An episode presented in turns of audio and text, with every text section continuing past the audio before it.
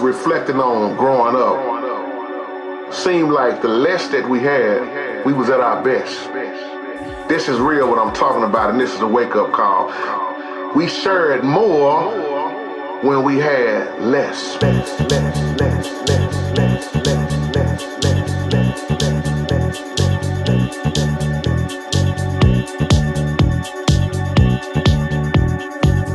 It's a blessing what you have right now.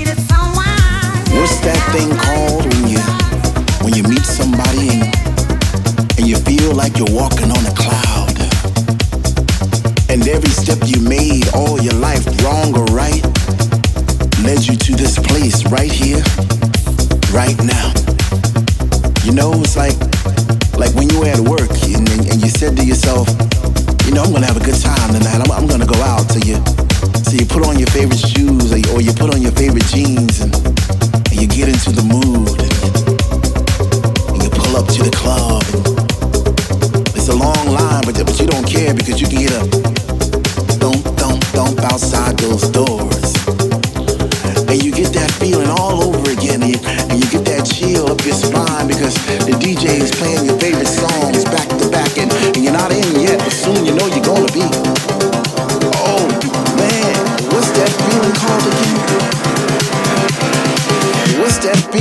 again.